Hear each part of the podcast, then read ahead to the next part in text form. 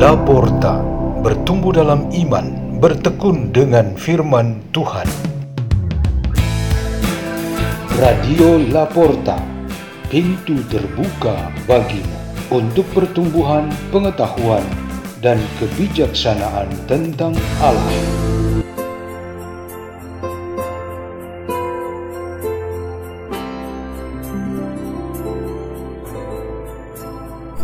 Bacaan dan Renungan Sabda Tuhan Hari Jumat Pekan kelima Prapaskah 8 April 2022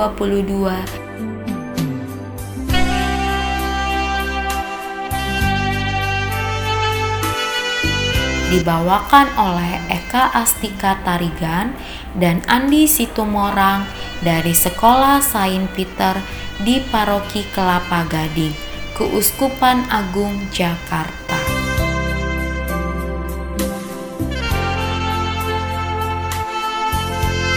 Bacaan dari kitab Yeremia 20 ayat 10 sampai 13.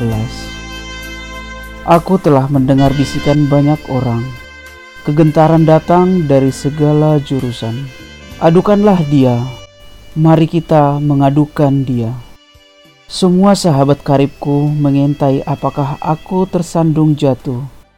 Kata mereka, barangkali ia membiarkan dirinya dibujuk, sehingga kita dapat mengalahkan dia dan dapat melakukan pembalasan kita terhadap dia. Tetapi Tuhan menyertai aku seperti pahlawan yang gagah.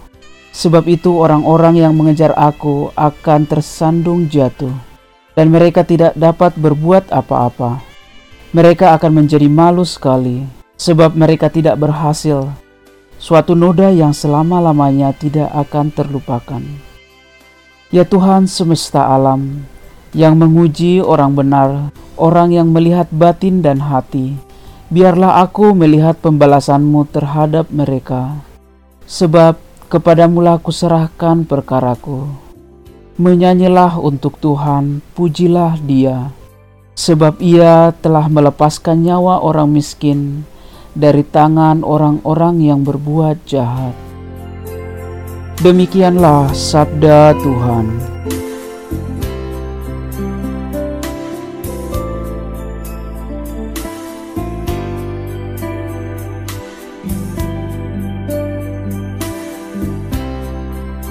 Tema renungan kita pada hari ini ialah perang rohani.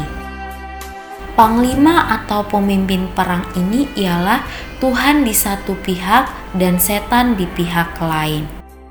Para malaikat dan orang kudus berada di pihak Tuhan yang menjalankan tugasnya sebagai para prajurit. Sedangkan di pihak sana ada para serdadu setan. Perang ini bukan untuk menghasilkan siapa yang menang dan kalah.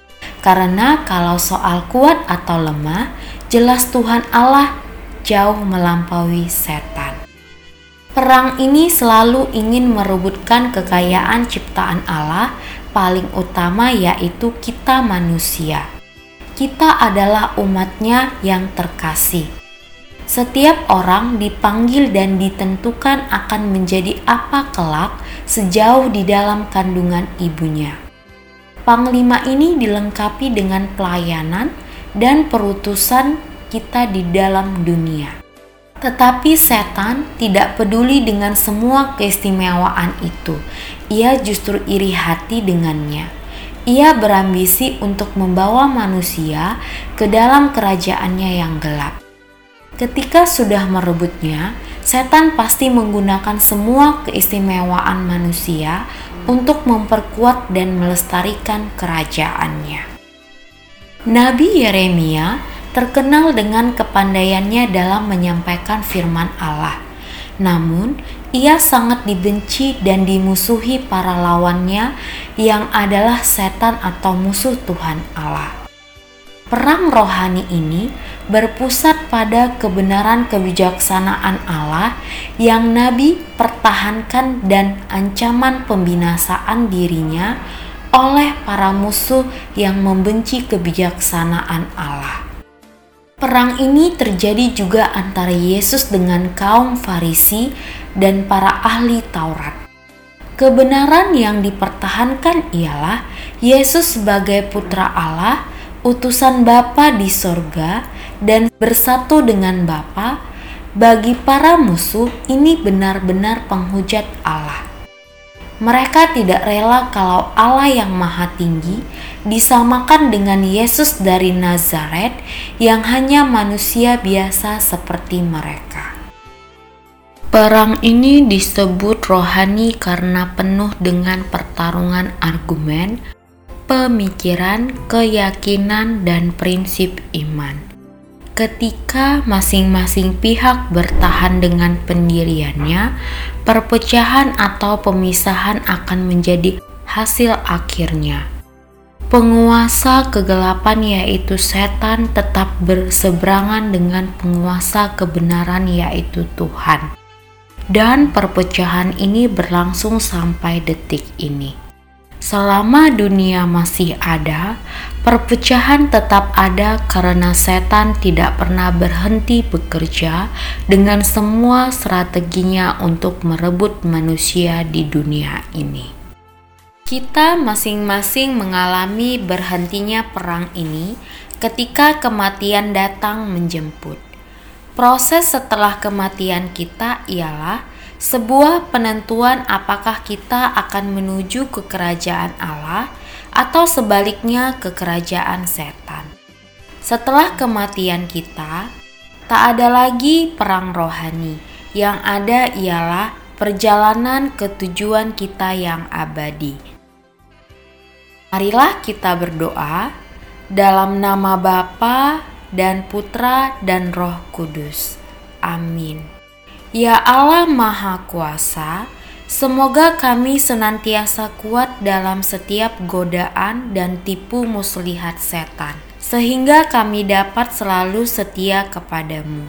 Bapa kami yang ada di sorga, dimuliakanlah namamu, datanglah kerajaanmu, jadilah kehendakmu di bumi seperti di dalam sorga.